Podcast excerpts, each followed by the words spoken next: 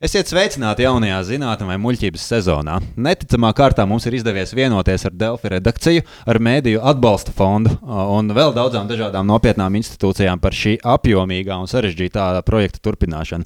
Tāpat esam gandarīti paziņot, ka šogad mūsu komanda ir paplašināta par gandrīz 34%. Vēl, tas nozīmē, ka vēl bez manis Eģis un Patrika mums vēl ir pievienojusies producents Selīna.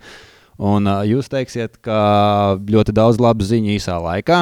Es varu turpināt tikai vēl un vēl, jo sākot ar šo sezonu, miljoniem šī podkāstu klausītāju pilnīgi visā pasaulē var ne tikai dzirdēt savas mīļākās ēteru balsis, proti, manu neģu, bet arī mūs redzēt sejā. Jā, protams, mēs sagaidām, tas, ka mūsu uh, vizuālā klātbūtne varētu nozīmēt arī nelielu statistikas kritumu, jo, būsim godīgi, bija iemesls, kāpēc mēs sākotnēji izvēlējāmies audio saturu. Uh, Bet uh, mēs strādājam ilgtermiņa spēlē, un, un uh, skaidrs, ka turpmāk mūsu saturu varēs atrast ne tikai Spotify un visās audio platformās, bet arī YouTube, TikTok, OnlyFans un vēl pilnīgi visur, kur citur, kur mēs pieregistrēsim Eģu Miķelsonu. Uh, līdz ar to mēs atstrādāsim katru dolāru, un vēl vairāk arī domāsim par tālāku komandas paplašināšanu, kā nākošo mērķu uzstādot sev grimētāju, jo šo jautājumu mēs esam šo epizodu piemirsuši. Taču cerams, ka skatītājs spēs piedot, jo šis tomēr ir mūsu pats pats pirmais solis video satura veidošanā, un, kā zināms, kļūdas ir jāpieļauj. Un par to, kā, ko mēs šodien runāsim un kas mēs esam, to pastāstīs tālāk Eģis. Jā, sveiki! Jā, nu, Rudentiņš ir bagāts vīrs un pārmaiņu laiks dabā. Tāpēc jauno sezonu sāksim ar epizodu par laika zīmēm dabas vērotājiem vai tas, uz kuru pusi čirps dzirbulis, var mums kaut ko pastāstīt par gaidāmo laiku. un uh, studijā šodien viesos mums ir uh, Mārtiņš Bergsteins, kas uh, jau gadiem ilgi nopietni aizrāvies ar ast astronomiju un meteoroloģiju. Pareizi. Jā. Sveiki. Cik gadus tu jau nodarbojies padziļināti ar šo? Sanāk, šis būs septītais gads, jā, šis septītais gads. Un, nu, jā, tad faktiski var teikt, ka šajā brīdī meteoroloģija, laika prognozēšana, monitorēšana, visādi tā, nu, viss, kas saistīts ar mm. meteoroloģiju. Tā ir mana ikdiena, varētu teikt. Viss brīvais laiks, nu, un tad naktīs astrofotografija. Nu, principā, Kurā brīdī tu guli? uh, jā, tas ir labs jautājums. Tad, kad ir vasara, tad gulēšana sanāk starp tiem periodiem, kad ir negaisi. Nu, Un kad naktī nav sudrabaino mākoņa, nu, tas parasti ir dažas stundas, bet nu, ir jau, protams, arī labāki brīži, kad ir vairākas dienas, kad nekas nenotiek. Nu, principā mēs jau varam tā, tā nedaudz prognozēt, ka Toms Brīsīs jau var doties lēnām uz pensijas pusē, cik es saprotu. nu, otrā maiņa, ka Toms Brīsīs ies izgulēties. Jā, uh, tad vēl pie mums studijā ir uh, viesos šodien no Latvijas Universitātes Geogrāfijas un Zemes zinātņu fakultātes vadošā pētniece Gunta Kalvāna. Sveiki! Sveiki! sveiki.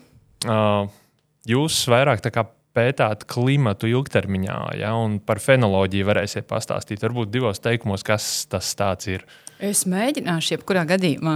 Un, uh, fenoloģija patiesībā ir tāda zinātne par sezonālajām norisēm dabā. Un, tā kā jau tu jau pieminēji, tas rudentiņš, bagātais vīrs, kas ienāk mūsu pagalmos un laukos, tad tas ir tas stāsts, ko es pētu, kā sezonālās norises ir mainījušās klimata pārmaiņu rezultātā. Un visbeidzot, uh, Arī no Latvijas vidas geoloģijas un meteoroloģijas centra mums ir prognožu nodaļa, nodaļas vadītāja Laura Krūmiņa. Sveiki! Labdien! Nu, te ir tā kā, tāds vispusīgs ekspertu panelis. Visi, kas zina par un ap laiku, vienīgais, kas mums nav studijā šodien, ir galvenais Latvijas dabas zīmju vērotājs Vils Bukšs. Es domāju, ka visi būs dzirdējuši. Viņš ir visticamāk tas arī Brends, brends. brends un, un var viņu ierakstīt tā kā tādā Latvijas kultūras kanonā šajā jomā, jo uz uh, Viļa Bukša novērojumiem atsaucās arī liela un nopietna mēdīja. Bieži vien portālos redzam virsrakstus. Un, uh, nu, piemēram, Vilis Bukšs apgalvo, ka viņš var pēc dabas zīmēm pateikt, kāda būs arī turpmākā zima. Nevis kā meteorologi pateikt, ka vai tev rīt ir jāņem lietus sargs vai nav jāņem lietus sargs uz darbu līdzi. Nu, un, piemēram, vai tā zima vispār būs, jo ir tāds ticējums, ja zima būs sniegaina un augsta tikai tad, ja oktobrī ir daudz riekstu un maz sēņu. Un kā tur ir ar tiem riekstiem, Jāni? Eģi, mums šodien dienas kārtībā būs ne tikai augļi vai dārzeņi Uh, bet mums būs arī dzīvnieku pasaule diezgan plaši pārstāvēta. Mēs pieskarsimies gan murkšķiem, gan bitēm, gan dažādiem uh, citiem lidoņiem. Un, uh, Un arī uh, video, ne, bet raidījuma vai video raidījuma. Es, ne, es īstenībā nezinu, kas mēs šobrīd skaitāmies, jo mēs laikam bijām podkāstā. Mēs tagad esam video podkāstu raidījums. Mm, Kaut kas jā, Kaut kas pa vidu, hibrīds. Katrā ziņā mūsu uzticamākie uh, sekotāji ir mums iesūtījuši arī jautājumus šodienai, kurus mēs jums vēlāk, progn uh, es prognozu, tā ir mana prognoze, ka mēs vēlāk uh, viņus uh, jums parādīsim un uh, pieprasīsim atbildēt. O, bet uh, Nu. līdz tam mēs nonāksim pusstundas laikā, Edži, kur mēs nonāksim tuvākā nākotnē, vai tev ir kaut kas, ko prognozēt? Ai, Jā, man nē, bet Vilim Bukšam pavisam noteikti, jo, jo mēs izpētījām viņa hmm, blogu. Viņš katru mēnesi publicē tā tādu prognozi nākamajam mēnesim. Tātad 30. septembrī Viļņa Bukša vietnē bija prognoze visam oktobrim, ko tad varam sagaidīt.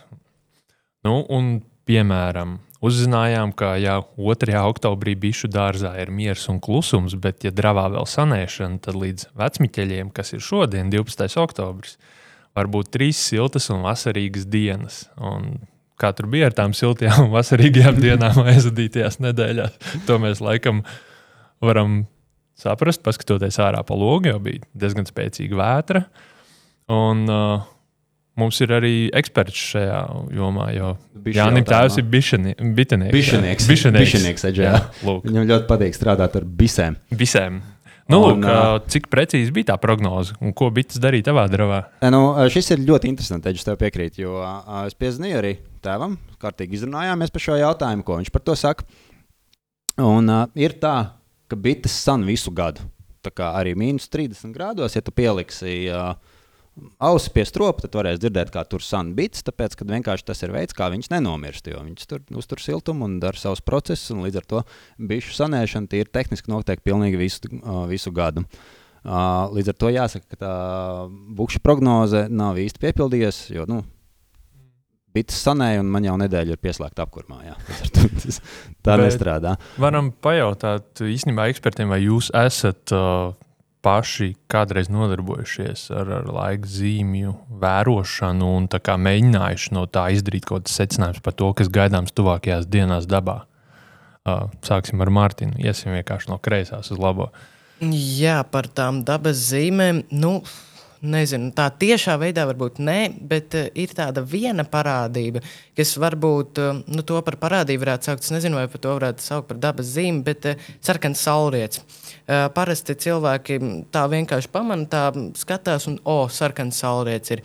Un uh, vairums cilvēku nemaz nezina, kādēļ tas ir. Un, um, es arī pats sākotnēji nebiju tajā iedziļinājies. Bet, um, nu, tā, tā ir tā vienīgā lieta, pēc kā es skatos. Jo itin bieži, kad ir sarkans saulrietis, tas nozīmē, ka uh, nākamajā dienā, nu, vismaz tuvākajā laikā, pie mums Latvijā visticamāk būs nokrišņi vai vismaz mākoņdienas un apmācies laiks. Jo nu, tas ir tāds vienīgais, tā teikt, racionālais ticējums, ko varētu izskaidrot. Jo nu, mums saule riet rietumos, ne tikai mums visā pasaulē, bet uh, mums tātad uh, Latvijas, uh, mūsu Ziemeļā Eiropā, tad vējš pūš no rietumiem un lielākajā daļā gadījumu, tad, kad no rietumiem pie mums nāk mitra gaisa masa, tad arī saule iekrāsojas sarkanu. Nu, un, ja tas mitrums saulē ir rietot, jau ir pie Dānijas, jau virs Baltijas jūras, saule iekrāsojas sarkana, nu, tad var gaidīt, ka tuvākajā diennaktī kaut kas no tā sasniegs arī mūsu. Nu, tas ir vienīgais tāds varbūt ticams, bet nu, parasti es jau paskatos kartēs. Nu, tā nav, kad es vienkārši paskatos plogu. Nu, tad Vai nu līs, vai nelīs.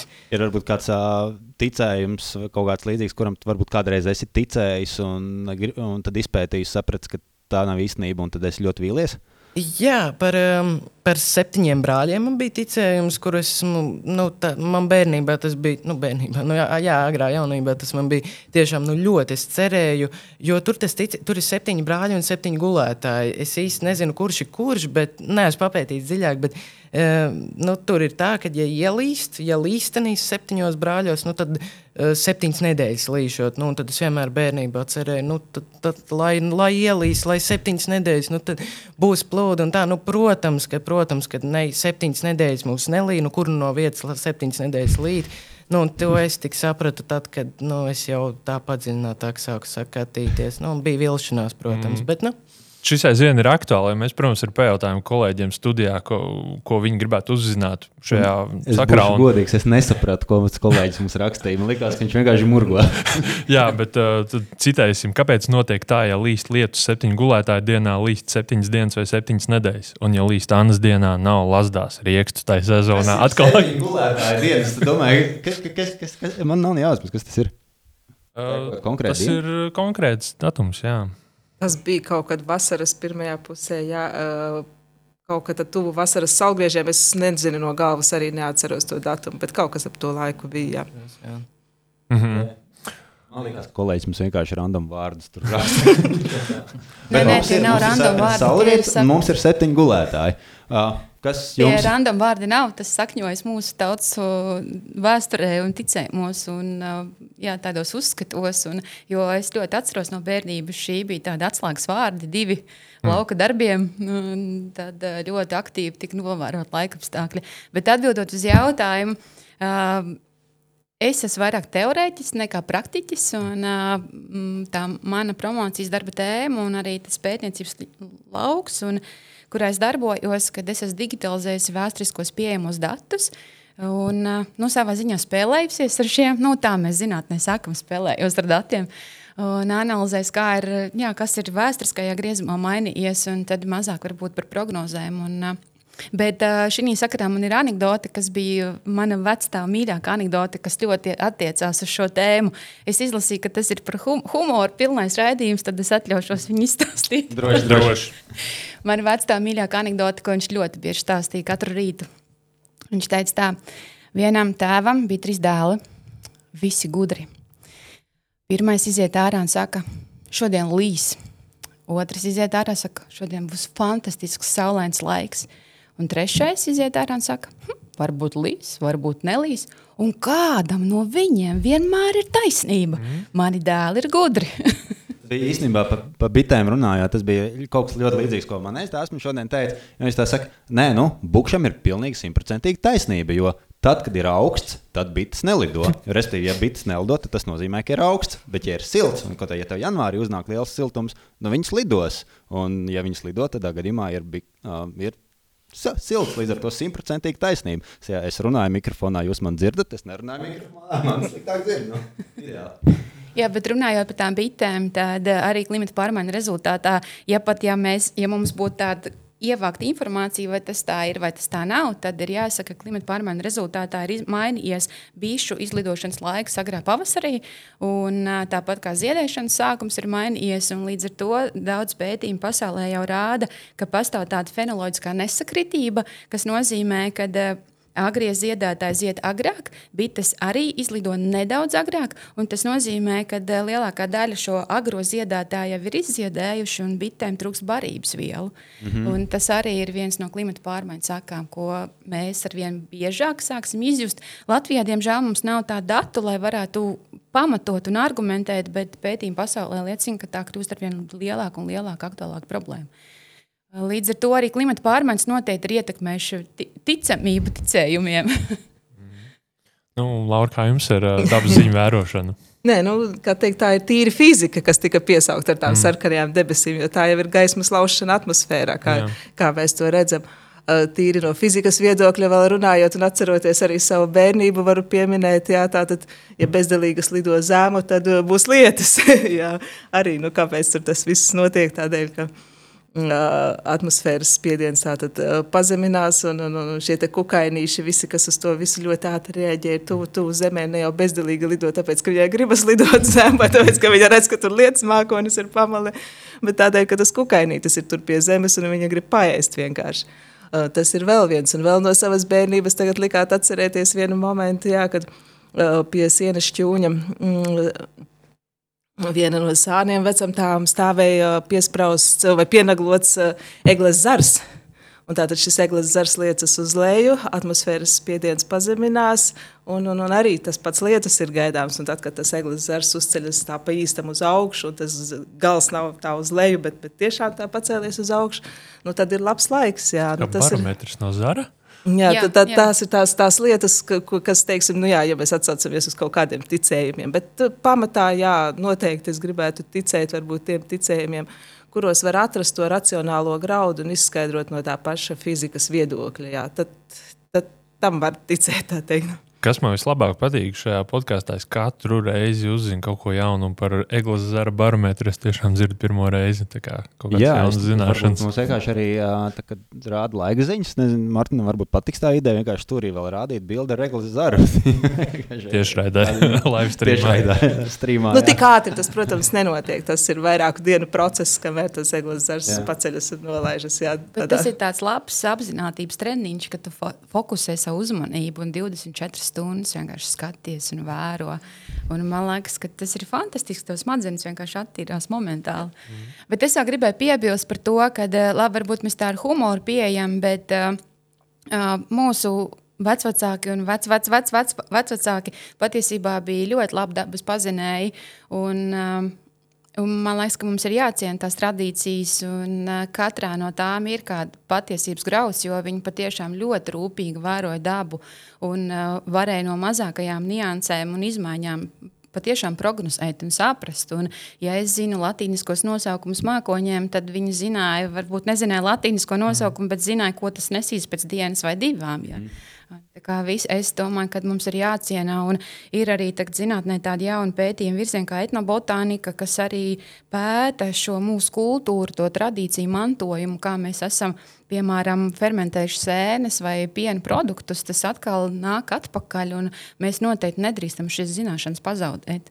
Uh, Tas, kas varbūt atšķir tos tādu, tādu dabas vērotāju kā Vils Bukšs no, no minētajām vecvecām vecmāmiņām, ir tas, ka viņš to, ko viņš redz, sistemātiski pieraksta. Mm. Tad viņam ir 30, 40 gadu seni dati, jo viņš tur stāstīja raidījumā vienā vai, vai intervijā, neatceros.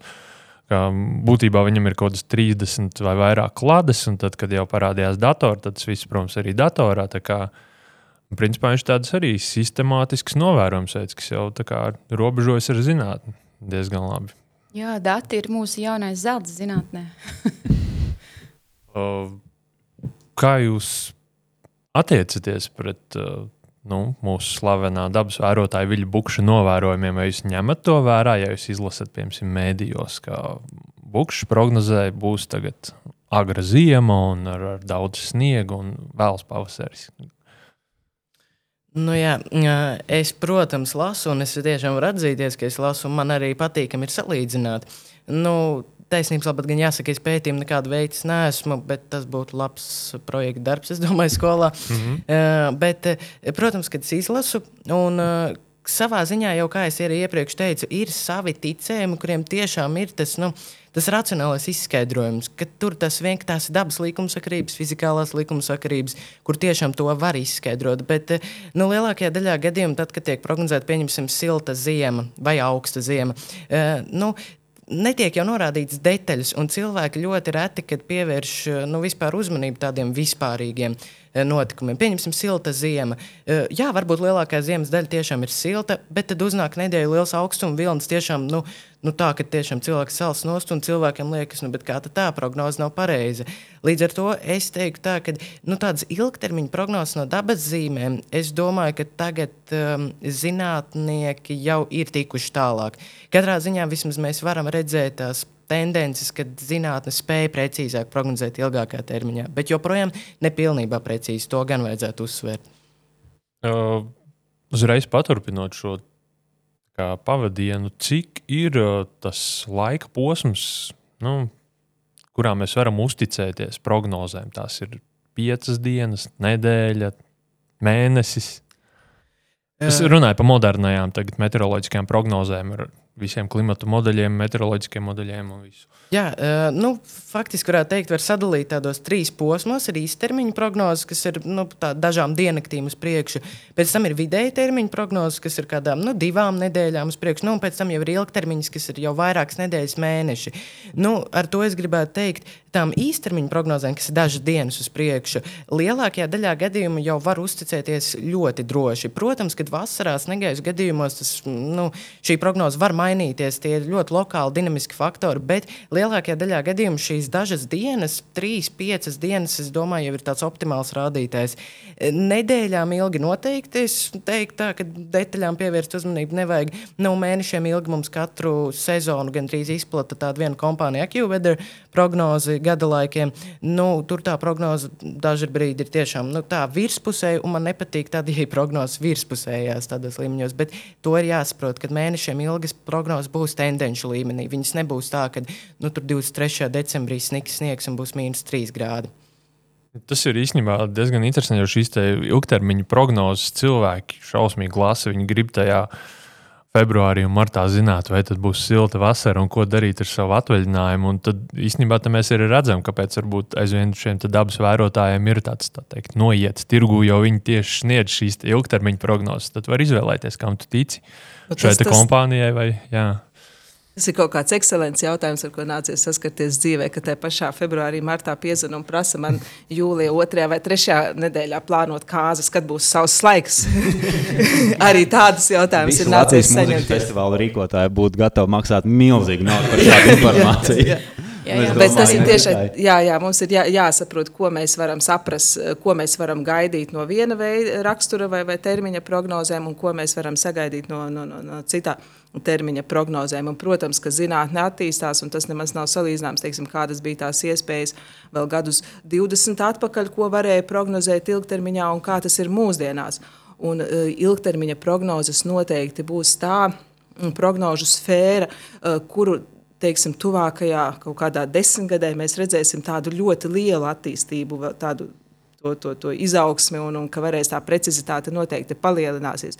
Ja mūsdienās jau tās tuvāko stundu prognozes uzlabot ir salīdzinoši grūti, jo tās attaisnošanās rādītāji ir ļoti augsti, ja, tad tas, tas potenciāls, ko varēs izdarīt, noteikti ir liels un tajā jomā tiek ļoti daudz strādāts. Un patiesībā jau kā viens no ierobežojošiem faktoriem aizvien ir tās mūsu IT spējas, IT resursi, kurā to visu varētu teikt, darbināt un, un mm. rēķināt, un, un, un tad, tad tā rezultāti pat varētu būt vēl lielāki. Principā skaidrošanas jaudas, jā, cik saprotu. Tas ir viens no tādiem ļoti būtiski limitējošiem faktoriem arī. Jā. Es esmu dzirdējis, ka nu, tad, kad kvantu skaidrotāji kļūst tādi praktiski jau pielietojami, nevis vienkārši kaut kādā aparāta laboratorijās, kuriem vajag ļoti super uh, atdzesētu stāvokli un ļoti tādus striktus apstākļus, kad, kad viņi nonāks tā kā ikdienā, ka tie varētu ļoti precīzi jau šīs ilgtermiņa prognozes modelēt. Kā, mm. kā jums liekas? Tas, tas arī ir jā, viens, varbūt tik ļoti tās, tās, tās tehniskās nianses nevarēšu izstāstīt, mm. bet arī šī te, um, macīna, mašīna mācīšanās, uh, kas, kas mūsdienās ir tāda joma, kas ļoti, ļoti attīstās. Arī šīs metodes tagad ļoti tiek pētītas, ļoti tiek analizētas un meklēti tie iespējamie risinājumi, ko ši, ši, šīs jomas attīstība varētu dot, lai mums, mūsu prognozes gan tajā pašā īsajā termiņā, tepat tuvākajām stundām vai rītdienai uzlabotu, gan arī tajā noteikti tādā mēnešu vai sezonālajā griezumā skatoties. Nu, es atceros savu laiku ziņas no laikiem, kad tās lasīja Viktors Zemgals. Un, uh, Tad man tiešām bija tā, ka es arī vasaras pavadīju pie, pie vecās māmas mājā, un viņa teica, ka, nu, ja, ja laika ziņās saka, ka rītdien līs, tad jau gan jau spīdēs saule. Tā kā mēs varam redzēt, cik tālu ir šīs prognozes ar precizitāti nonākušas, kad no agrāk viņas bija. Mums arī cilvēki regulāri Delfa komentāros raksta, ka viņiem šķiet, ka mēs izdomājam tās laika ziņas. Bet te ir jāatcerās viens. Attiecībā uz Latviju. Laika ziņas citos pasaules reģionos ir prognozēt daudz vieglāk. Mēs esam tādā, nu, mēs to saucam par tranzītu zonu, Latvijas teritoriju, tranzītu zonu, un, un patiešām var gadīties tā, ka tam trešajam tēva dēlam varbūt būs, varbūt nebūs. Un patiesībā meteorologi un sinoptiķi dara apbrīnojumu darbu Latvijas situācijai, vispār spējot izanalizēt, jo tur tā dinamika, kas notiek atmosfērā, ir Tas ir tā tāds kosmos riktīgs. Un uh, vēl ir jāatcerās arī, kāpēc prognozes paliek precīzākas, jo mums vienkārši ir vairāk datu. Jo mums ir daudz satelīta attēlu, mums ir sat satelīti, kas visu laiku riņķo mums apkārt, un tā informācija krājas, krājas. Un jo lielāka mums ir tā pamatbāze, jo stabilāks un jā, ilgtermiņa prognozes mēs varam izdarīt. Dati un Latvija tie ir. Datiem varam balstīt arī nākotnes Jā, prognozes. noteikti, noteikti. Man ir jautājums, cik. Uh gadus ir jāvēro un ļoti strikti jāpieraksta, uz kuru pusi čiepst cīrulis, lai varētu izdarīt no tā kaut kādas secinājumus par notikumiem nākotnē. Un cik cīruļi jānovērt? Jā, un cik cīruļiem ir jābūt, cik datu punktiem jābūt. Ja tie būs, teiksim, Latvijas teritorijā 50,000 cīruļi, un, un dabas vērotāji ir novērojuši, ka katru reizi, kad viņi dara to vai to, pēc tam ar tādu un tādu varbūtību notiek, teiksim, ir, ir lietus vai, vai temperatūra paaugstinās. Nu, pieņemsim, mēs Reģu gribam veikt kursu darbu par cīruļiem. Es gribu izstrādāt vienkārši pirmo cīruļos bāzēto klimatu modeli tā kā, un meteoroloģiskās prognozes modeli arī. Šeit dzirdējāt, šī ir pirmā vieta, kur tas izskanēja. Ja, ja, ja, jaunā Nu, Delta laika ziņu turēsim rubrika. pie vārda. un, Eģis ar cīruļiem. Jā, bet atbild uz šo, jo vairāk, jo labāk. Kā jau Mhm. vienmēr, visur. Un, bet eh, runājot par klimata prognozēm, un arī, ja mēs runājam par fenoloģiju, sezonālajām norisēm dabā, tad parasti zinātnē mēs uzskatām 15 gadi. Tad mēs varam jau analizēt kaut kādas, ko jau kolēģis pieminēja, tendences, iespējamības, bet ir jābūt vismaz 15 gadu novērojumiem. Bet, ja mēs gribam tādus klimata modeļus, tad eh, vismaz 30 gadu griezumā mums ir jāskatās. Cik gadus dzīvo cīruļi? Nu, mums, jau nevajag, mums jau nevajag vienu un to pašu. Es tikai domāju, cik daudz cīruļiem tev būs jāiziet cauri, kamēr tu savāksi savu bāzi. Jā, tie jau atkal par to praktisko, es nu, vairāk vīziju interesē šobrīd. Ja ne no kā vidēju, Jā, saknē jau. Mums, nē, nu, kaut kur ir kāds cīruļu audzētājs, kurš domā, ka viņam priekšā ir uh, zelta laiki, jo būs klients tūlītās. Jā, bet patiesībā, ja runā par ā, putniem, tad ā, klimata pārmaiņas, protams, ietekmē arī putnu migrāciju. Ir atsevišķas sugas Latvijā, kas pavasaros atgriežas pie mums agrāk. Ir tāds, kas būtiski nav mainījuši savus migrācijas mm, pa, paņēmienus, nē, bet ieradumus. Un savukārt, ņemot vērā to, ka vidē rudenī mums paliek siltāki, nu, šis ir netipisks silts, bet tad gaiputni Latvijas teritorijā uzturas ilgtermiņā ilgāk un aizlido vēlāk līdz ar to. Un tā ir arī tāda skaidra, saredzama klimata pārmaiņu sekas, ko mēs redzam jau Latvijas ainavā. Un, ja mums sākumā liekas, ka tas ir ļoti labi, eh, tad eh, vienmēr mums ir jāpadomā, ka klimata sistēma ir ļoti kompleksa un sarežģīta, un tur ir mega daudz iesaistīto dažādo ietekmējušie faktoru. Un, ja, piemēram, augu, augšanas sezona ir garāka, tas nozīmē, ka atmosfērā ir atkal papildus CO2, kas ir viena no siltumne, siltumnīcas efekta izraisošajām gāzēm. Un jo vairāk CO2, jo planēta mums vairāk, vairāk sasilst. Ja? Un tas ir tāds nebeidzams lokus un cikls. Un Bērniem- vienmēr ir pirms priecāties, ir jāpadomā, uz kā rēķina. sezonā mums arī bija epizode par klimatu pārmaiņām, kur mēs arī vaicājām, kā, nu, skatītāji norūpējušos jautājumu, tā kā, nu, a, kas man no tā? Tā kā, kas būs tās pirmās lietas, kuras es uh, visredzamāk izjutīšu no klimata pārmaiņām tieši šeit, Latvijā? Un tad uh, bija ļoti laba atbilde, ka pirmā lieta, ko cilvēks izjutīs, būs uh, klimata turisms. Jo vienkārši ļoti daudzas valstis, kuras ir uh, siltas, viņas paliks cilvēkiem neapdzīvojami karstas un uh, sāksies liela uh, migrēšana uz uh, citām valstīm, kuras ir vieglāk apdzīvojamas, piemēram, Latvija. Respektīvi, sāksies jauns bardaks. Uh, varbūt kas ir vēl kaut kādi šādi līdzīgi praktiski piemēri, kurus mēs uh, klausītājs nākotnē varēs izjust kā klimata izmaiņu uh, uh, sekas. Varbūt ir kāds prognozes. Es varu ar Jā. sarakstiņu, bet, bet varbūt, lai kolēģi runā daudz laika mums ir? Nē, nē, varbūt jūs varat pieminēt, un tad es papildināšu, lai nav mans monologs visu laiku. Nu, kas, kas no sekām? Jā, nu, tas, ka piemēram pie mums jau tagad jau laikam ir standartā tāda norma ieviesusies, ir būvējot jaunās ēkas, ka tev ir jābūt arī gaisa kondicionierim, lai tu vasarā varētu eh, normāli eksistēt, strādāt, dzīvot vienalga, kā mēs to teiktu. Jā, bet eh, aizbraucot tālāk uz Skandināviju, tar, tur vēl tas nav. Un tad, kad viņiem iestājas šis karstais laiks, tad tā ietekme patiesībā ir krietni vien lielāka nekā to izjūtam mēs vai dienvidos, kur jau vispār tāda gaisa kondicionēšanas, kā teikt, kultūra tā jau ir sen, sen iegājusies. Jā, to mēs pavisam nesen arī diskutējām, piemēram, ar, ar, ar skandināvijas kolēģiem, ka viņiem karstums rada lielāku ietekmi. Un viņi arī organisms, ja viņi reti izbrauc un, teiksim, varbūt nav tādi, kas īpaši mobili, ja, organisms nav adaptējies vispār pie šīm ļoti augstajām temperatūrām, dzīvojot tā stabili tajā, tajā reģionā. Jā, varbūt man tāds, es atkal ar datiem, es tiešām atvainojos, man nav tāda varbūt, ļoti no dabas, bet tropiskās naktis varbūt esat dzirdējuši par tādām diezgan bieži ziņās dzirdams, ka naktas laikā temperatūra nenokrīt zem plus 20 grādiem, nu, plus 20,1, lai oficiāli tā būtu.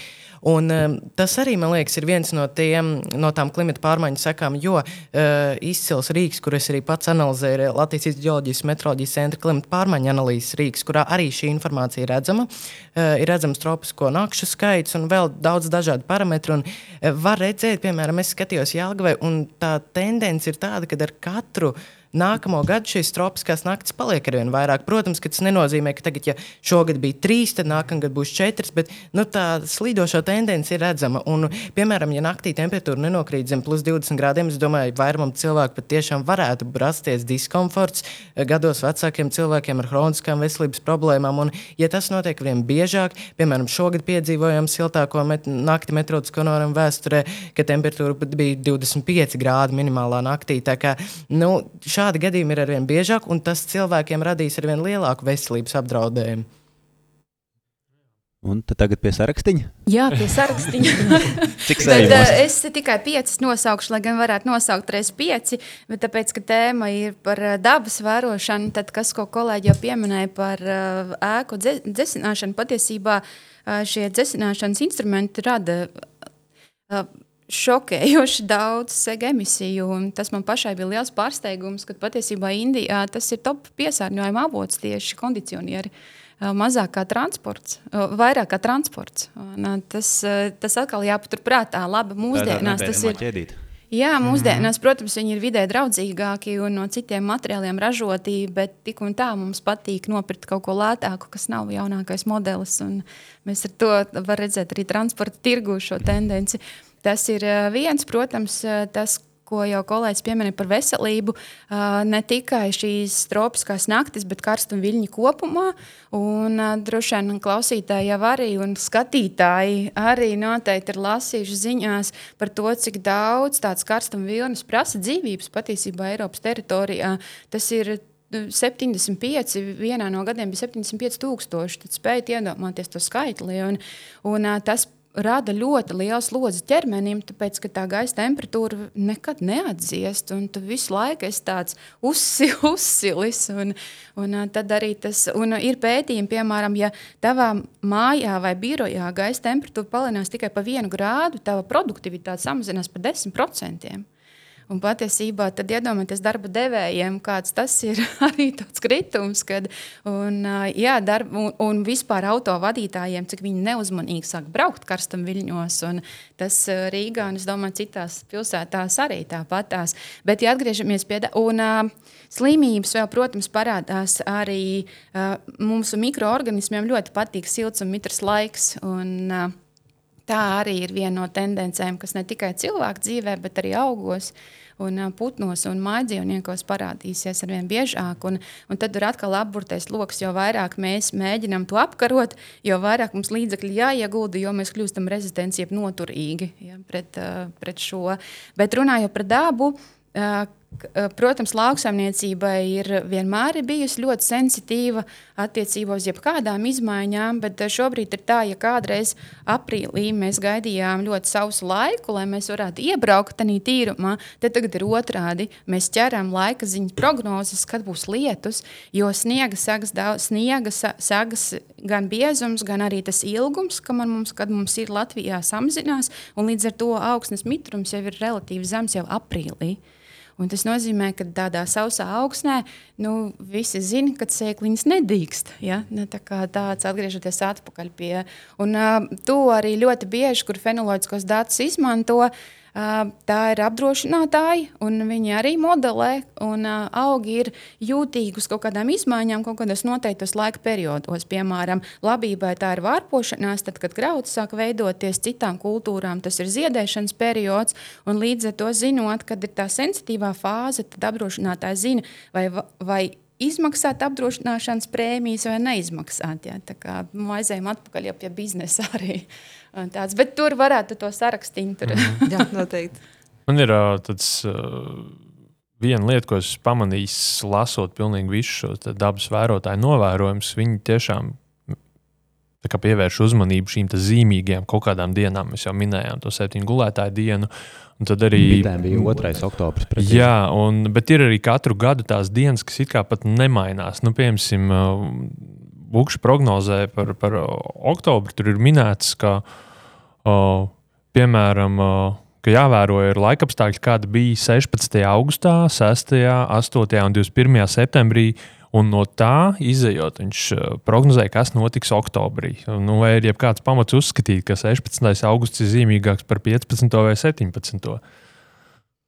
Nu, ja, ja tādu vienu datumu, un uh, nu, es tiešām nezinātu, nu, es, protams, neesmu eksperts par dabas zīmēm, pavisam noteikti, bet, nu, piemēram, nu, jā, kā jau arī minējāt, tad, uh, nu, pieņemsim 16, 17, 15. Nu, tur man liekas, tāds, nu, lai visam oktobrim izteiktu kaut kādu tendenci no viena datuma, man liekas, tas būtu diezgan nu, muļķīgi. Jo, piemēram, arī, kā jau arī minēju, tad mēs nedzīvojam tādā vietā, kur laiks visu laiku ir nu, tāds vienmērīgs. Nu, piemēram, Spānijā, kā jau arī minēju, laika ziņās, es domāju, tur nemaz īpaši nepievērš uzmanību tam, jo ir diezgan droši zināms, ka spīdēs saule nu, un laiks būs silts. Bet... Atskaitot kalnu reģionus. Jā, jā, protams. Jā.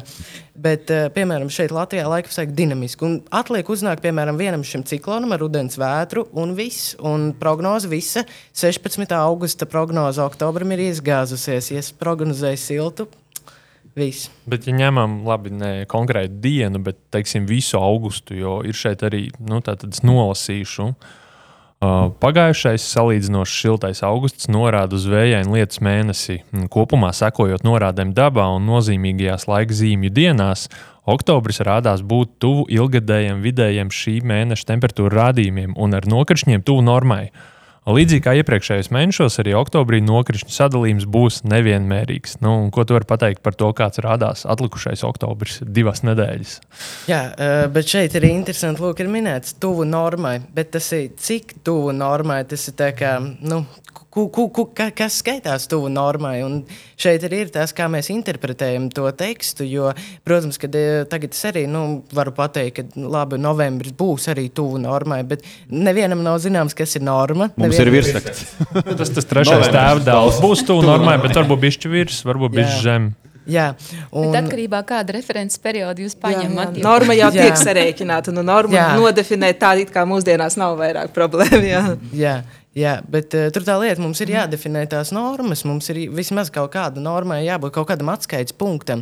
Un, ja tas punkts mums ir, nu, tad diezgan tā var teikt, izteikt šīs te tendences. Piemēram, nu, tagad oktobra, be, uh, oktobra nākamā nedēļa nu, būs vēsāks par normu. Jā, bet tad arī tiešām pateikt, pa cik grādiem un kāds ir tas periods. Piemēram, tagad laikam ir 1991 līdz 2010. vēl joprojām ir spēkā šis 30 gadu periods, kurā ir šī norma aprēķināta, šie vidējie rādītāji. Nu, tad tur var arī pateikt, kāds, cik būs, vai 2 grādi vēsāks par normu, 4 grādi siltāks par normu. Un, nu, tomēr es domāju, ka vairāk būtu tiešām jābūt konkrētākiem, izsakot šādas prognozes. Mēs bišķī tā kā iekāpjam tādā astroloģijas lauciņā, kur ir. Tas izklausās bišķi. Nu, nākamā nedēļa būs tur laba. Bet cik labi neviens nepateiks, ne, vēl, kas notiks? Vēl arī uh, rudenī prognozēt ne, nevienmērīgu nokrišņu sadalījumu. es neesmu meteorologs, bet man liekas, bet, ka... man liekas, ka kolēģi, tas ir kolēģi ievāktie dati. Mm. Viņam tur ir sava sistēma. Viņš ir novērojis to 30 gadu periodā, un tas, ka varbūt tās mums ir cits skatījums uz lietām, nenozīmē, ka viņa skatījums Jā. ir kļūdains. Mm. Es tikai to gribēju pateikt. Tas nav tā, ka viņš to, ka viņš to dara pusgadu vai divus gadus. Ja? Mm. Tad, ko, viņam patiešām ir ievākti fenomenāli datu bāze. Un, uh, visu cieņu par uh, apņēmību un darīšanu. Un man liekas, ka mums ir jābūt atvērtākam prātam pret uh, šo visu. Un, un vispār bez viņa klātbūtnes runāt par viņu datiem, man liekas, nav, nav, nav cieņpilni. Nu, mēs par to nozari kopumā skatāmies. Mēs par nozari, jā, mums vienkārši ir tas izaicinājums materiāls. Latvijā, jā, līdz ar to tad, uh, skaits, jo, jo, tie, jo tās izteiktās prognozes šeit ir nu, gan konkrētas. Nu. Mm. Otrajā uh, oktobrī sanēs bites, tad būs trīs siltas dienas līdz 10. oktobrim. Un tas ir kaut kas, ko var ņemt, skatīties un salīdzināt. Un tāpēc arī mēs vaicājam, jo mēs paši gribam saprast. Un arī es domāju, mūsu klausītājs, skatītājs grib saprast, kā, cik lielā mērā. Un uh, ļoti patika arī tie piemēri par sarkanajām debesīm, kas uh, nu, reāls piemērs un izskaidrojums. Līdz ar to nav jau, protams, mēs mēģinām saprast, kur ir tas vidusceļš šajā visā. Te uzreiz arī varētu piebilst, um, vai jūs redzat, ka šādus dabas vērotāju datus varētu iekļaut meteoroloģiskajos un klimatu modeļos, jau tajos, nu, ko mēs uzskatām par hard science, kur jau ir tādi dati no, no meteoroloģiskajām stacijām, no satelītiem, un ņemt vērā arī to, ko ir dabas vērotāji savākuši gadu gaitā un iekļaut šajos modeļos. Kā jums liekas? Es uzreiz varu atbildēt, ka tas jau tiek darīts. To jau šobrīd izmanto, arī mēs Latvijā digitalizētos datus esam padarījuši par atvērtajiem datiem. Tas nozīmē, ka jebkurš zinātnieks pasaulē šos datus var izmantot savos modeļos. Un, uh, modeļi patiesībā ir gan ļoti vienkārši, gan ārkārtīgi komplicēti. Un te ir jāatcerās, ka mēs nemodelējam modelēšanas pēc, mēs modelējam kaut kādam konkrētam mērķim, ko mēs gribam ar šo visu informāciju iesākt. Un, jā, šos brīvprātīgo novērotāju, ko sauc par citizen science, kas latviešu tulkojas sabiedriskā zinātne, arvien biežāk un vairāk izmanto arī klimata modeļos, arī ilgtermiņa tendencēs, nu, kas ir tā tuvā, tālā nākotne, kurā mēs kaut ko prognozējam. Un, to papildinot, piemēram, satelīta datiem, tad jā, tie modeļi noteikti iegūst. Bet te ir vienmēr jāatcerās, kas ir mērķis modelēšanai. Mhm. Jā, jūs gribētu hardcore, es, es arī pateicu. Nē, nu, tāpat jau ilgtermiņā teiksim, ir, ir šie te nu, globālie, globālie, globālās lietas, ko var izmantot arī šajā ilgtermiņa prognozēšanā, arī tīri no zinātniskā viedokļa skatīties, e, skatoties, ja, cik daudz varbūt ir dzirdēts par tādām dabas parādībām kā El Niño un La Niña. Mm, ir dzirdēts, jā. Ir dzirdēts jā, par šo te, mm -hmm. uh, īpatnību, jā, kad klusā okeāna ekvatoriālajos platuma grādos ir vai nu šī ūdens temperatūra paaugstināta virs normas, vai arī pazemināta, un kā tas pēc tam globāli ietekmē. Un ir uz zemeslodes reģioni, kuriem ir ļoti, ļoti cieša korelācija, sevišķi tas ir vairāk tropu reģionos. Tātad, ja ir viens stāvoklis, tad kaut kur noteikti iestājas šie sausie ļoti karstie periodi, mm -hmm. vai atkal gluži pretēji. Jā, un, un, un, nu, aizvien vairāk jau tiek mēģināts atrast arī šīs likumsakarības. Ar mūsu Eiropas reģionu. Jā, un, ja mēs atceramies nu, tās pēdējās trīs ziemas, nu, kaut kādā mērā mēs tomēr varējām nosaukt par augstām ziemām. Nu, mēs piedzīvojām sniegu, mēs piedzīvojām periodus, kad zemes virsma pārklāja stabila sniega sega, pieturējās salas. Uh, Un, un termometra stabiņš kaut kur noslīdēja pat zem mīnus 20 grādiem. Tāpēc es precīzi neatceros par tiem mīnus 30 grādiem. Nav tāds, uh, jā, um, un, un, un tie bija tās augtie. Laniņas gadi, tā, tā bija tā negatīvā anomālija, kad klusā mm. okeāna uh, ekvatoriālajos platumos bija pazemināta ūdens temperatūra. Uh, un turklāt vēl trīs gadus pēc kārtas, kas vispār ir tāds ļoti, ļoti rēts uh, gadījums. Uh, salīdzinot to visu vēsturi, tad tāds bija laikam vēl tikai viena vai divas reizes, kur ir kaut kāda uzklāta šī zināmā vēsture. Parasti tas ir viens, maksimāli divi gadi. Nu, un, un, un, vai tiešām tagad mums būs tā, ka iestājoties šim Elniņo, tātad vislielākā anomālija gaidām ap šiem Ziemassvētkiem, ūdens temperatūrām, pozitīvā anomālija klusā uh, okeāna ekvatoriālajos platumos, nu tad ļoti augsts risks, ka mums varētu būt šī siltā ziema. Jo arī iepriekšējās siltās ziemas mūsu reģionā bija ļoti cieši saistītas ar, ar to, kad mēs atceramies dažus gadus atpakaļ. Pirms šīm ziemām bija arī ziema, kad mums vispār neiestājās normāli ziemas apstākļi. Mm. Nebija periods ar stabilu salu un sniegu.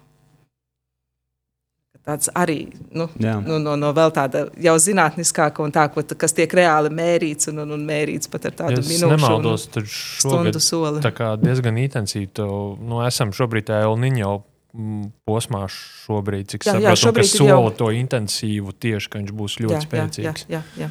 Tad var sanākt tā, ka mums tā ziema arī īsti nebūs šogad kārtīga. Nu, protams, ka tie visi dati, kas šobrīd ir par ziemu, vairāk ir to tendenci, tā varbūtība, ka mums būs silta ziema, ir krietni, krietni augstāka. Salīdzinot ar to, lai mēs varētu teikt, cik, cik augsta ir varbūtība, ka mēs varam piedzīvot kaut vai līdzīgi, līdzīgu ziemas kā iepriekšējās, kas bija tuvu normai patiesībā, ja mēs salīdzinām ar to 30 gadu periodu no 91. līdz 20. gadam. Uh, Uh, nu, varbūtība augstām ziemām, ziemai ir ļoti, ļoti maza tagad mums šeit, Skandinā, nu, Eiropas ziemeļu reģionā. Pirms vēl mēs pārējām tālāk pie klausītāja jautājumiem, vēl arī uh, par to pašu tēmu, bet varbūt arī nedaudz nē. Uh, mums ir jautā, jautājumi par. Tā kā trešais tēvdēls. Jā, jā, tēvdēls, jā. Uh, mums ir uh, jautājums par uh, kalendāriem un uh, padomu krājumiem uh, dārza darbiem, kad darīt no tā datuma līdz tam datumam ir uh, jādara. Jās, uh, konkrētiem dārza darbiem konkrēti datumi, un, Jā. ja neizpildās kaut kāda nosacījuma, tad, teiksim, sīpols nevar stādīt, jo nav kaut kas noticis. Jā, nav tas, tas un tas datums. tā- tā- to- Mums ir grāmata par to, mums ir uh, konkrēti katram gadam kalendārs, arī uh, lielie mēdīji, arī regulāri postos. Kad, Dārzkopja ceļvedis. Kad ko darīt? uh, Cik tur ir apakšā tāda jau nu, patiesība? Es saprotu, ka man adresēts jautājums. Brīvais mikrofons. Spēr vaļā visu, kur grib. es laikam atbildēšu, tā kā politiķi dara. Man nav ne noliedzoša, ne apstiprinoša pētījuma. Kaut šo. kādas jau vadlīnijas tam mūsu cilvēkam ir vajadzīgas. Sevišķi, ja viņš ir visu nu, pēdējos kaut kādus mm. gadus un vairāk pavadījis pilsētā, un viņam vairāk tās iemaņas nav, pret, uz kaut ko ir jābalstās. un Tad vismaz šāds kalendārs var ļoti, ļoti noderēt ikdienas darbos. Jā, nu to mēs saucam arī par fenoloģiskajiem kalendāriem. Tādu mēs arī esam izstrādājuši, balstoties uz šiem brīvprātīgajiem iesūtītajiem datiem, kad apmēram mēs vismaz pasakām, kurā laika periodā, piemēram, zied, notiek ziedēšana vai kad vajadzētu pļaut labību. või jah, no et, et varbūt patiešām tādi, kas ir attālinājušies no dabas. Bet uh, es domāju, tie kalendāri mēs jau pieskārāmies sākumā, kad uh, tie balstās mūsu tādā kultūrā. Es domāju, tur ir daudz apakšā tāda dabas vērošana un uzmanība pret dabu. Un es zinu, ka manā bērnībā arī bija tā, ka, uh, ja mūsu vecākā kaimiņiene dārzā sāk stādīt sīpolus, tad viss, visi darbi tika pamesti un vienkārši visi skrēja ja visi sīpoli stādīt. Jā, tāpēc, ka viņa zināja, bet pārsteidzošā kārtā tas kaut kādā veidā strādāja. Un mans vecāks arī, uh, jā, viņš varbūt. Tas ir apbrīnojami, ka viņš jūta to dabu. Un, uh, jā, mēs ļoti daudz ko darījām tieši, tieši uz viņa tādām sajūtām, bet viņas ir balstītas tādā jā, patiešām vērošanā, dabas jušanā, vērošanā. Un Tad, jā, tie ir tādi man divi piemēri no bērnības. Es domāju, tur noteikti vajadzētu pētīt, un re, kur jums ir ā, tagad cī- cīruļa pētījums, un Tas tad būs arī dabas kalendārs. Uz 30 gadiem mums piekritīs. Zinātniski droši vien būtu bijis, ja būtu kontrols grupa un, un uh, visi seko kaimiņienē, bet ne visi pusīti. Un otra pusīte stāv katrs savā dienās, un tad skatās, kuram nu tie sīpoli labāk sanāk. Jā, bet mēs varam ar klausītājiem un skatītājiem vienoties, ka, ā, ja ir interese, tad mēs varētu tādu pētījumu Jā. Latvijā veikt. Īstenībā Un, un tad mēs varētu izstrādāt metodoloģiju, izdalīt, iedalīt tās kontrolu un nekontrolas grupas. Un, ā, ļo, ļoti labi, tas ir fantastisks sabiedriskās zinātnes projekts. Bet Jā, man ļoti patīk tas punkts, kas izskanēja par to, ka tas ir tāda vadlīnija un motivācija un skaidrojums kādam, kurš sliktāk saprot dārza darbus. Jo, teiksim, ja es sāku iekopt savu dārzu, tad tā būtu pirmā lieta, ko es meklētu. Un tas, ka tur tas ā, kalendārs saka, tev tieši šodien tas ir jāizdara, īstenībā es tagad vairāk to skatos tā kā uz tādu rekomendāciju, ka vispār aizēj un izdari to. Tas apmēram tā kā, nu, apmeklē sporta zāli obligāti ceturtdienas vakarā, bet, ja tu apmeklēsi piekdienu vai trešdienu, arī būs ok. Arī būs okay. Jā, bet īstenībā būtu interesanti paņemt un tā kā vairāk šos te ceļvežu kalendārus salīdzināt, paskatīties, vai tur ir kādas atšķirības arī viņos. Mēs eh, pirms diviem gadiem uzdāvinājām Ziemassvētkos savai ģimenei eh, tādu kalendāru. Man jāpajautā par rezultātiem. nu, tieši eh, nu, mana vīra ģimene arī zinātnē ģimene, līdz ar to du, vīra brāļa. Un, tad, līdz ar to tad jāpajautā, varbūt viņi ir veikuši pētījumu. Bet, jebkurā gadījumā, ja kādam ir interesanti, tad es priecāšos. Mm.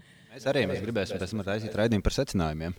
Ļoti labi. Iedomājieties, ja kalendāri, kur ir būtisks atšķirības, tad var veikt šo salīdzinošo pētījumu, kā, kuram labāk rezultāti. Bet, ja visi ir vienā, tad man ir aizdoms, ka ir tāpat kā tā kaimiņiem, ir viens kalendārs, no kura visi vienkārši noraksta un pelna naudu visas izdevniecības ar to. Nu, tad mēs varam pārvērsties pie uh, skatītāju jautājumiem. Apmēram gandrīz pusstundu kopš sākuma, gandrīz kā prognozēts. Ne? Jā, perfekti.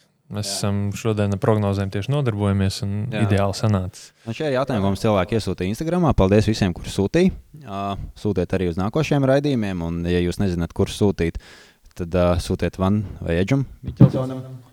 Uh, tad Sūtiet Jānim, es Instagram faktiski neizmantoju. Es Instagram faktiski nezinu. Um, vai dzīvnieki paredz zemestrīces un tsunami? Un kāpēc pēc tsunami lieliem nekad neatrada nevienu dzīvnieku līķi? Vai tiešām viņi māca prognozēt ļoti precīzi tsunami?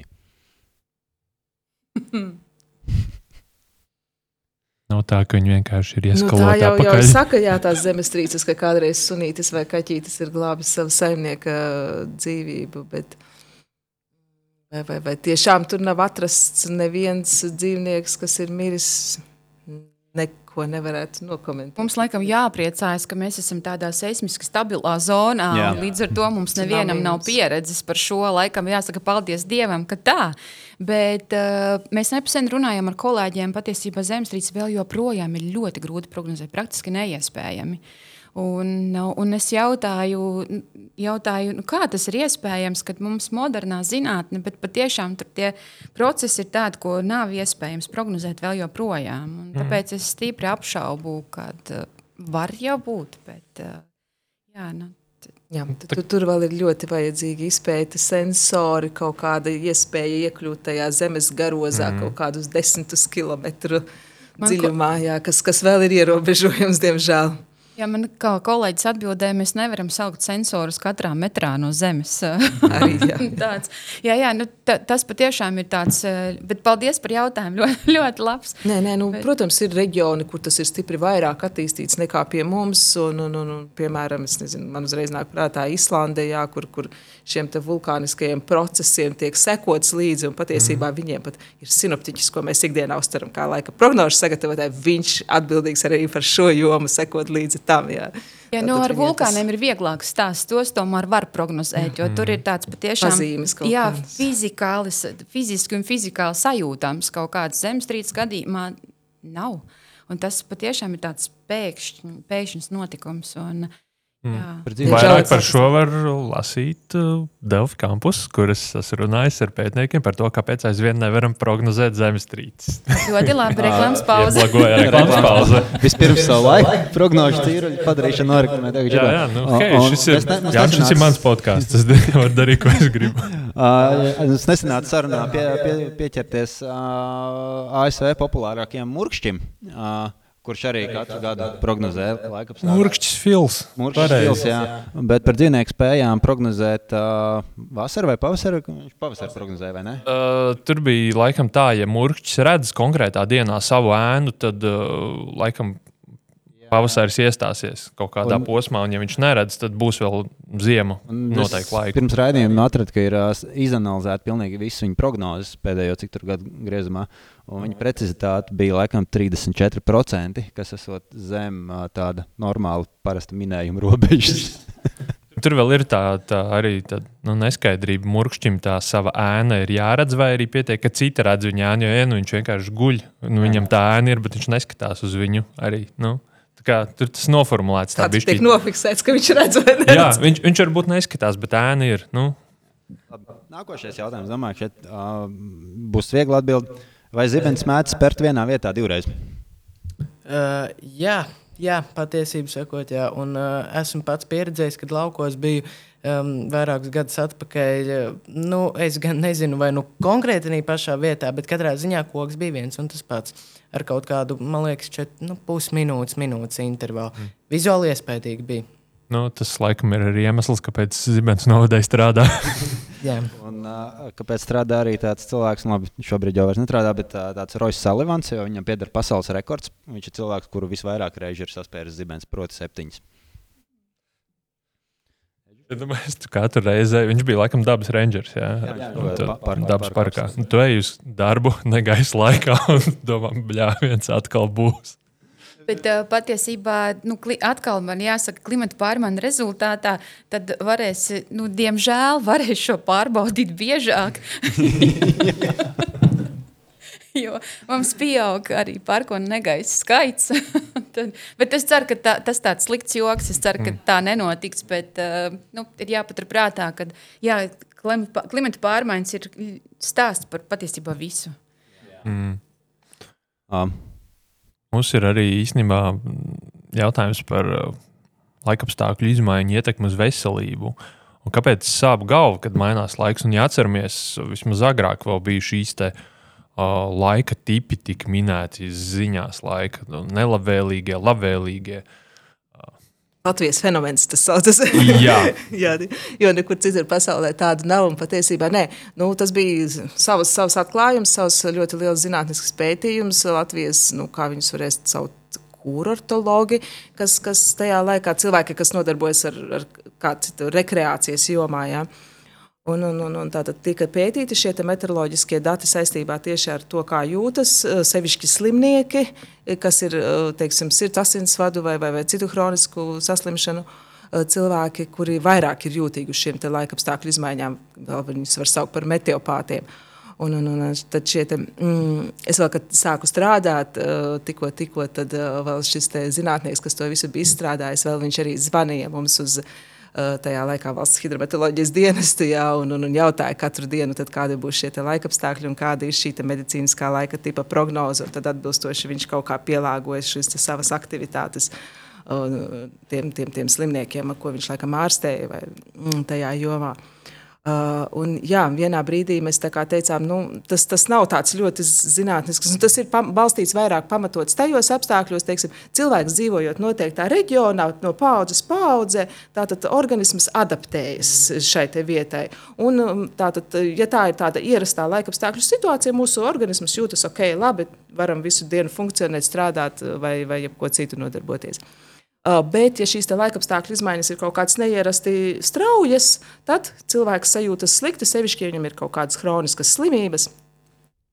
Un uh, nu, otrs vēl ir apstākļus arī magnētiskās vētras, tā ir saules aktivitāte, kas ietekmē cilvēka organismu. Uh, Nu, tad, jā, tātad mēs šīs lietas mēģinām vēl joprojām paturēt, jo, jo, jo cilvēku interese ir ļoti, ļoti liela. Tad, kad vienā brīdī mēs no tā gribējām atteikties, patiesībā ne mēs paši, bet Latvijas rādio saņēma milzumu daudz zvanu, laikam, e-pastu vai, vai vēstuļu no saviem klausītājiem, kāpēc pēkšņi jūs vairāk nesniedzat šo informāciju, kas ir tik ļoti kritiski svarīga.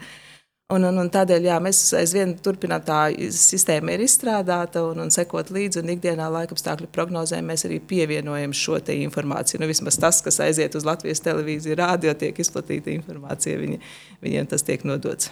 Bet man tā kā interesē, ko cilvēki iesāk ar šo prognozi. Jo skaidrs, pasakā, rīt līdz lietas, un labi, paņemšu līdzi lietas sargu, bet, ja saka, ka rīt būs īpaši nelabvēlīgs, nu, tu jau nevari, ko tu vari izdarīt. Tur tu tāpat jutīsies slikti, ja tas tev strādā. Varbūt ir ieplānots savas dienas à. aktivitātes tā, lai nav jādara kaut kas ļoti intensīvs. Varbūt es nezinu to pašu ravēšanu dārzā vai, vai, vai, mājās, vai kaut ko tādu. Jā.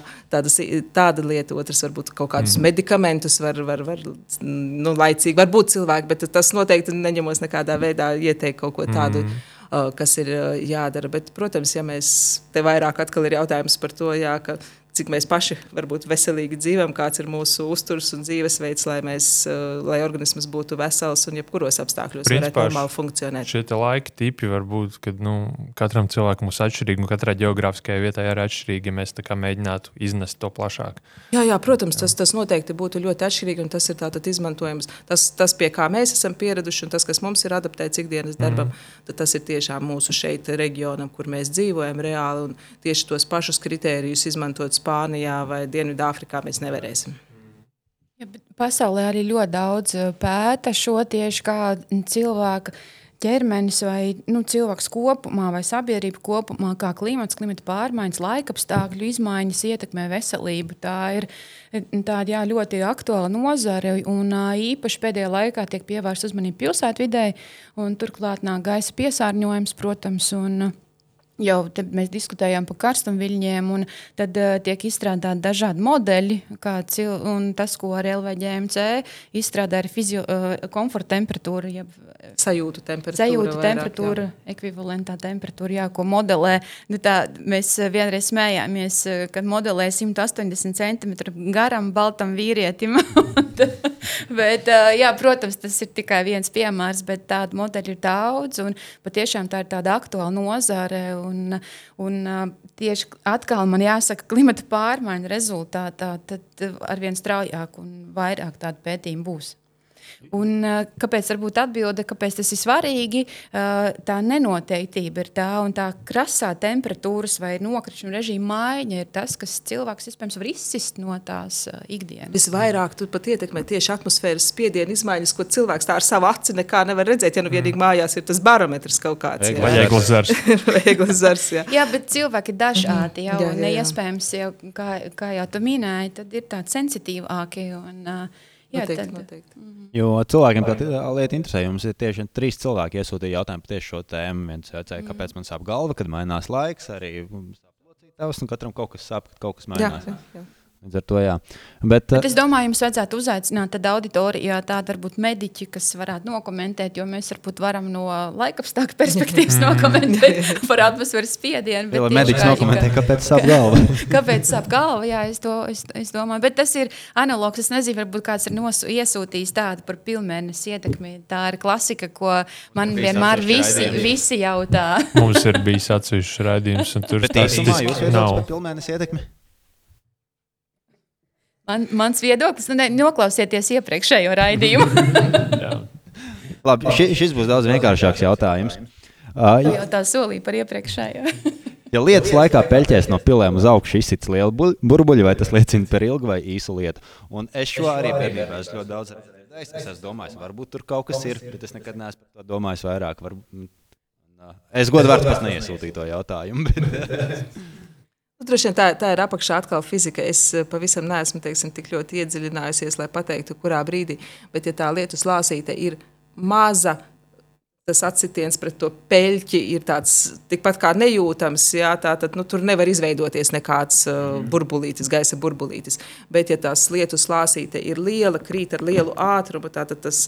tas uh, tā miedarbība ar to virsmu ir liela un reizē tātad ar to lietu tiek apakšā ierauts arī gaisa burbulītis, kas pēc tam izveido. Te ir vairāk tieši par to intensitāti. Lēna lietus apstākļos nekad virs peļķes neveidosies burbulīši.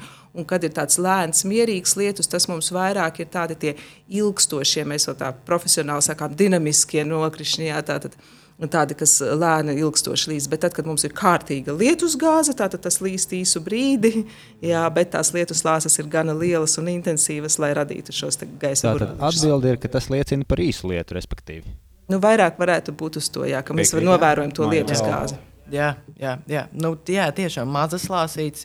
Uh, Peļķē neradīs, kā jau minēju, mm -hmm. burbulīti. Tā tad ilgstošas lietas, nu, ja vasarā uznāk stipra pērkona lietas gāze, nu, tad būs burbulīši. Un, nu, maz ticams, ka pērkona lietas gāze ilgs tā, ka 6-7 stundas visu dienu. Taču mēs varam izņēmumi iesaistīties ir. pie ticējumiem un vērojumiem, kam ir pamats. Jā, Fantastiski. Es tikai vēl papildināšu, ka patiesībā šo vingrinājumu dažās Eiropas universitātēs māca statistiku. Uh, viņi iebar uh, šķīvītī miltus, un tad, kad līst, viņi izliek uz palodzes, un tad viņi skatās, cik lielā dinam, diametrā ir. Tad, ta, un tad viņi skaita, un tad tādā veidā mod, pirmkārt modelē, otrkārt saprot to intensitāti, un patiesībā ļoti labs vienkārši vingrinājums, kā mācīties. Bet šī man viena no bērnības atmiņām, jā, ar vecstāvu, kad mēs arī, oh, burbulīši. Yep. Tas vienkārši forši izskatās arī. Jā. Mums kāds Skaisti. populārs mūziķis iesūtīja arī jautājumu, ja kaķis sēž zāle, vai būs lietus, vai arī mans kaķis ir vienkārši debils. Tas jau ir Tad, principā, būs visi kaķi tādi jau. Bet Cik man tas ir ir tas bijuši? dzīvnieks, kurš zina, ko viņam vajag, un izgājis ārā. Viņš saprot un atrod to vajadzīgo zālīti, ko viņam vajag, kāpēc tajā dienā, lai viņš justos labi. Un es nezinu, vai to var sasaistīt ar to, vai būs lietas vai nebūs lietas. Jā, visi mani kaķi, un man ir bijuši diezgan daudz ēdzālu. Tad, kad viņiem gribās, un kad viņi pie viņas tiek. Es nenokomentēšu par kaķi un viņa pakāpi kaut kādu, bet uh, varbūt mūziķim var noderēt. Vienā no konferencēm, nu, runājot par laikapstākļiem, arī uh, bija tāds viens ļoti interesants pētījums, kā cilvēki izjūt mūziku. Un uh, to, ko pētnieki bija darījuši, viņi bija saskaitījuši, cik daudz dziesmas ir par sauli. Cik daudz dziesmas ir par uh, lietu, par varavīksni, par pērkonu negaisiem. Un tad viņi bija analizējuši, kā dažādās kultūrās tiek uztvertas šīs melodijas. Jo, piemēram, mums saule vienmēr asociējas ar tādu nu, priecīgām dziesmiņām, mm. un savukārt lietus parasti ir tāds nu, diezgan depresīva mūzika. Un savukārt Dienvidu Eiropas valstīs, un, nu, dien, nu, kur tuvāk ekvatoram, tas ir pilnīgi otrādi. Ja? Nu, tā kā lūk, varbūt mūziķim šo arī varētu padomāt. un, uh, un šeit nevarētu labāk izspēlēties mūsu pēdējais jautājums. Jo mēs par mūziku runājam, un mums, un šis pat nav joks, tiešām mums kāds ir iesūtījis šādu jautājumu. Vai tiesa, ka krusa ir krusa, salna ir salna, migla ir migla pār visu līdz šim?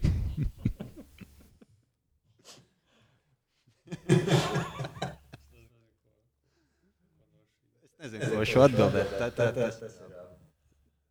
Citādi. Es tikai atbildēšu to, ka katrai no šīm nosauktajām parādībām ir definīcija, un līdz ar to droši vien varētu teikt, jā, tas tā ir.